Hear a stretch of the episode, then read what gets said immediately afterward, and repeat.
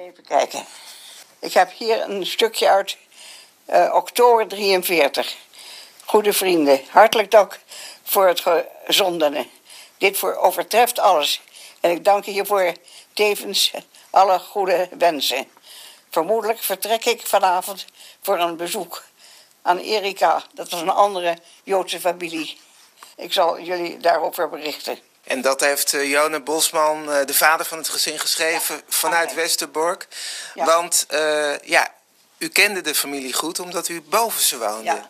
Op de Graaf Florenstraat. Op de Graaf Florenstraat woonden zij in het benedenhuis en wij in het bovenhuis. En we hadden dus een leuk contact, want we waren allebei zoveel in 36 komen wonen.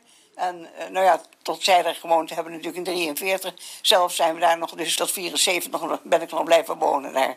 Wat voor gezin uh, was het? Het was dus zo dat uh, meneer en mevrouw Bosman drie schattige kindertjes hadden. Vier, zes en acht zo'n beetje. Een, een, een, een, jongetje in het midden en twee meisjes. De jongste was een meisje, de oudste was een meisje. En ze waren erg gezellig altijd. Ze waren erg op mijn vader gesteld. Vooral het jongetje was erg op mijn vader gesteld. Die zei een keer tegen me: God houdt het meeste van de Joden, maar hij houdt ook ontzettend veel van meneer Toers. U heeft eh, voor u uh, foto's van uh, het gezin Bosman. Is dat de jongste? ja, dit, dit, is het jongetje Arnold. Och, Arnold was een, een kostelijk jongetje.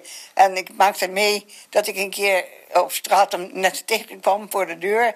En hij was heel, heel eh, opgewonden. Ik zei, wat is er, Arnold? En toen zei hij, oh, oh, oh, halfhuilend. Ik heb een jood vergeten. Ik heb een jood vergeten. En sloeg op zijn borst. Want hij had dus het, het tekentje dat hij jood was. Hij had ja, die uh, jodenster. Had die, die ster had hij niet op. En dat was hij zo ongelukkig onder. En wist niet hoe gauw hij naar huis moest. En hoe jong was, was hij toen? Hij was uh, nou, een jaar of zes, denk ik, ja. En op een gegeven moment, uh, want het was tijdens de Tweede Wereldoorlog, ja. toen kwamen de nazi's. Ja, toen was dus, werd het dus een, een, de, nacht in mei 43. En we wisten natuurlijk dat het gaande was en dat het kon komen. Maar uh, toen op het moment werd ik s'nachts wakker en hoorde ik vreselijk veel lawaai. En ik deed mijn raam open en ik keek naar beneden. En ik zag dat gebeuren. Er stond een grote, grote wagen voor. En er zaten meer mensen in. En zij werden er, nou ja, min of meer in geschopt, zeg maar. Eh, onder luid lawaai.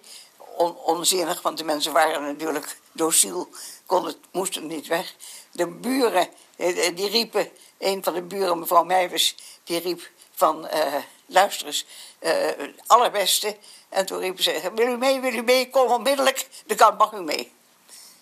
En uh, op die manier werden afgebloft. Nou ja, tot we hun weg zouden gaan. Ik weet nog, ik, ik, ik knikte mijn knieën. Ik, ik kon niet meer staan. Ik was zo onder de indruk toen ik ze weg zou gaan. En dat zal ik nooit vergeten. Ja. En op die Graaf Florenstraat nummer 100a, waar uh, het gezin Bosman heeft ja. gewoond, daar komt een mooie gedenksteen. Daar komt mooi, een aparte voor meneer, voor mevrouw Bosman en aparte voor de drie kindertjes. Uh, ieder, een eigen, ieder individu krijgt een eigen steen. In totaal ja. vijf stenen? Ja, ja. En daar zijn we erg blij mee. Want tenslotte, ze waren maar jong, maar het was al een individu. En het waren zinnige, zinnige mensen die omgebracht zijn. En dat moet iedereen weten dat dat fout geweest is.